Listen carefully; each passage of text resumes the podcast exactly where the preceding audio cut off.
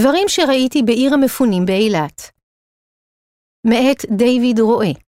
קוראת יפעת ניב ברק. הוקלט על ידי הספרייה המרכזית לעיוורים ולבעלי לקויות קריאה. עריכה טכנית ניר סייג. הימים הם ימי תחילת חודש נובמבר. המרכז לבריאות הנפש שלוותה הוציא משלחות לתגבור הצוותים המטפלים באילת, ויחד עם כ-50 אנשי מקצוע, ירדתי דרומה לארבעה ימים. ביקשנו להציע מענה נפשי ראשוני למפונים ששוכנו בבתי המלון, ובלי להתמהמה התחלקנו לצוותים והתפזרנו בין קבוצות המפונים משדרות, מנתיבות ומאשקלון. בתוך הכאוס הזה קיווינו שנוכל להשקיט ולו במעט את הסערה. לא ידענו מה מצפה לנו. הצבנו עמדה בלובי לצד חמ"ל חוסן, מדוע לעזאזל כל דבר כאן, כולל התארגנות שנועדה לשם רגיעה ואיזה פיוס פנימי, מכונה חדר מלחמה? נשות המקצוע מהרווחה חרוצות ומקסימות, וכך גם הצעירים מפיקוד העורף. ועדיין, שום דבר פה לא דומה למענה הנפשי המקובל. הפגישות התקיימו במרחב הציבורי ההומה והצפוף. זה היה היפוך מוחלט לתפאורה הרגילה. כורסה, ספה, שולחן קטן עם קופסת טישו, ושעון. בין המפונים יש היררכיה. אנשי שדרות פונו בהוראת פיקוד העורף, כך שהם זכאים למימון מלא. לגבי אשקלון לא התקבלה החלטה גורפת, כך שתושבי העיר נידונים לשכנע שהם ראויים למימון, ולשם כך נאלצים חדשות לבקרים להפגין בכל דרך את יגונם ומצבם הרע. שתי עובדות הרווחה טובות הלב מאזינות בסבלנות. המצוקה זועקת לשמיים, והן אינן זקוקות כלל לשכנוע. כך למשל זוג הורים ובנם, בעל 100% נכות נפשית, שמסרב לצאת מהחדר. הם נמלטו לכאן על נפשם ומשלמים מחיר מלא. הם אינם עונים להגדרה מפונים. כל משפחה לוחצת בדרכה שלה, ועובדות הרווחה עושות כמיטב יכולתן לשכנע בתורן את מי שנמצא בצד השני של הטלפון. האם זה נציג העירייה? רשות אחרת? לקח לי זמן להבין שכולם מתקשרים לאותו מספר, תחילה המשפחות לא קיבלו במספר הזה מענה, וכעת עובדות הרווחה מנסות לחייג בשמן. האשליה שמישהו יענה, ואולי גם יתחולל הנס ותאושר הזכאות, היא חלק מהמשחק. כולם משתפים פעולה, כאילו שם יש מישהו. קשה לקבל את העובדה שלא נותר שמץ של הוכחה שממלאי התפקידים ממלאים את תפקידם. קשה להשלים עם החלל הריק. מי שצלחו את התהליך המתיש והמשפיל וזכו במעמד המפוקפק של מפונה, מבינים עד מהרה שהם מוגדרים כך רק לזמן קצר וקצוב, לא יותר מהפוגה קלה בתחושת המתח והחרדה. חוסר הוודאות הזה והחלוקה השרירותית למפונים זכאים, לעומת מי שמשלמים מכיסם, רק מתדלקים עוד יותר את האווירה המתוחה.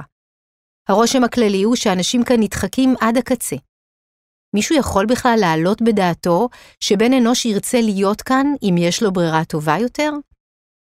אני מביט סביב. זוגות זוגות של הורים, שמעיניהם נשקף מבט זגוגי.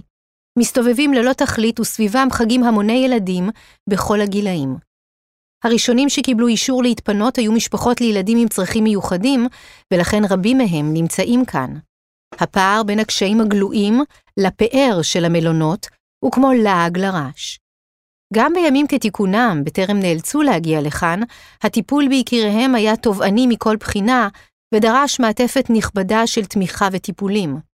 כל אלו נגדעו בבת אחת, ורק מוסיפים לתשישות, לשיתוק ולחוסר האונים. אם אחת מספרת על נסיגה ביכולת הדיבור של בנה, לאחר חודש שבו לא נפגש עם קלינאי התקשורת. הילדים משתגעים כבר, מטפסים על הקירות, ויש מי שמנסים לארגן כמה שעות של לימודים.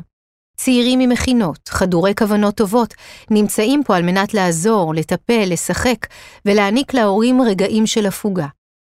באופן עקבי ובולט, הנשים הן מי שנושאות בנטל הטיפול בילדים ומציאת התעסוקה. הן גם אסרטיביות יותר כשצריך להילחם על פיסת סיוע או מיצוי זכויות.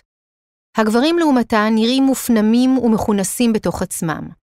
לפעמים כמה מהם מתקבצים יחד לנהל שיחה קולנית בענייני השעה. בדרך כלל הנושא הוא מה צריך לעשות להם. עם משאבים מוגבלים, ואולי מתוך פסיביות והשלמה, אין בכוחם להמשיך, כמו מכונות ששווקו חיים. מדי פעם נשמעות התפרצויות זעם. נוודים, שבורים ונטושים, אנשים שהחיים הביסו. מדי פעם נשמעות אמירות מסוג, יהיה בסדר, ואם ירצה השם. אלא שאז, לפתע פתאום, שיגורים מתימן. אזעקות מפלחות את האוויר והתגובות קשות מאוד. הבטיחו להם שכאן שקט, והם בתורם הבטיחו אותו הדבר לילדים. המשפחות לפעמים מלוות בהורים מבוגרים שאינם בקו הבריאות, חלקן עם חתול או כלב, או גם וגם, נדחסות יחד בחדרי המלון הקטנים. בעיות שונות ומשונות צצות. ילד אחד מתחיל פתאום לסבול מדימום. מתברר שהוא מקבל טיפול רפואי שוטף בשגרה, ומאז שהמלחמה פרצה, הטיפול נפסק. הוריו נתקפים בבהלה. אם יש איזושהי שגרה, היא מתקיימת רק בחדר האוכל. לפחות הארוחות מוגשות בשעות קבועות כסדרן. פינה אחת שוקקת פעילות, ועד מהרה אני מגלה שמדובר בדוכן להנחת התפילין. מככב לו שם צעיר, שנראה באלמנט שלו, משדל אנשים להתפלל כשהוא כולו נסחף בהתלהבות. לא ידעתי כיצד עליי להגיב למונולוג הרהוט שנשא בפניי, בדבר העושר הגדול שמביאה המלחמה, שבזכותה מגיע הקץ לפילוג בעם, וכולם מתאחדים נגד האויב המשותף. הגאולה כבר כאן. בקפלן זנחו את ההתעסקות בשטויות כמו דמוקרטיה. אני מנסה לשדר אמפתיה, אך לא יכול שלא לתהות ביני לביני, האם ניחש שגם אני מקפלן? האם האמירה שלו הייתה תמימה, מעין שיתוף ספונטני וטבעי, או בכלל ביטוי של תוקפנות, כעס ונקמנות? ואולי זה ניסיון אמיתי למצוא משמעות באסון שפקד אותנו. התחושה הכללית היא שהכל בחוץ, ואין אפילו מראית עין של ניסיון לעדן או להסתיר משהו.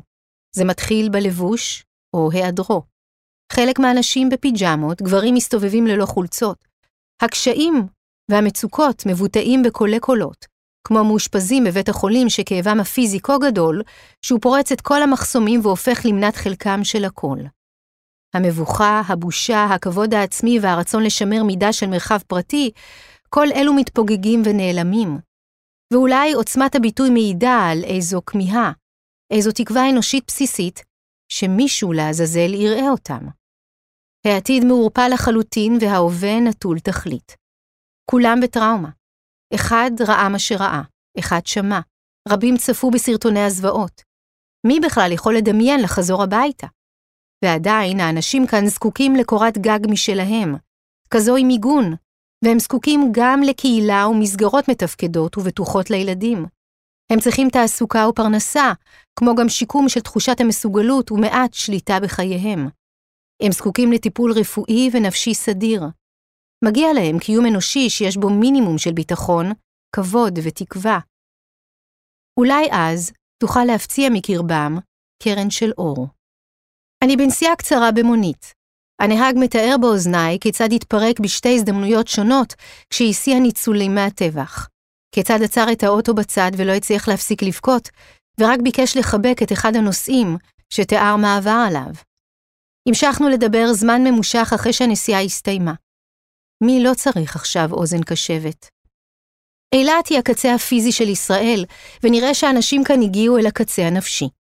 אין לאן ללכת, ואין לאן לחזור. תהום וחוסר אונים ברור ומוחשי. משפחות שלמות קורסות לבד. אנשים שפחדו לצאת מהחדר במשך ימים. ילדים שכעת גדלים עם הורים אבודים ומובסים. איש כאן לא יודע איך ייראה מחר, אבל התחושה היא של מפולת צלעים. התרסקות טוטאלית של חברה משוסעת, שמצאה את עצמה תחת התקפה בלתי נתפסת באכזריותה. אני מביט סביבי ויודע שמה שאני נחשף לו הוא רק טיפה בים, טיפה באוקיינוס. הסיוע הנפשי שהצענו הוא לא בגדר תחבושת על פצע, זהו פלסטר על דימום מהעורק הראשי. ובינתיים, בטלוויזיה, רואים את צה"ל שתכף ינצח, את האזרחים המופלאים שמחזיקים את המדינה. מי שיבקש, ימצא בכך נחמה, ואולם כאן, אצל המפונים באילת, אין שום דבר הירואי, שום אשליה שהעתיד צופן משהו טוב.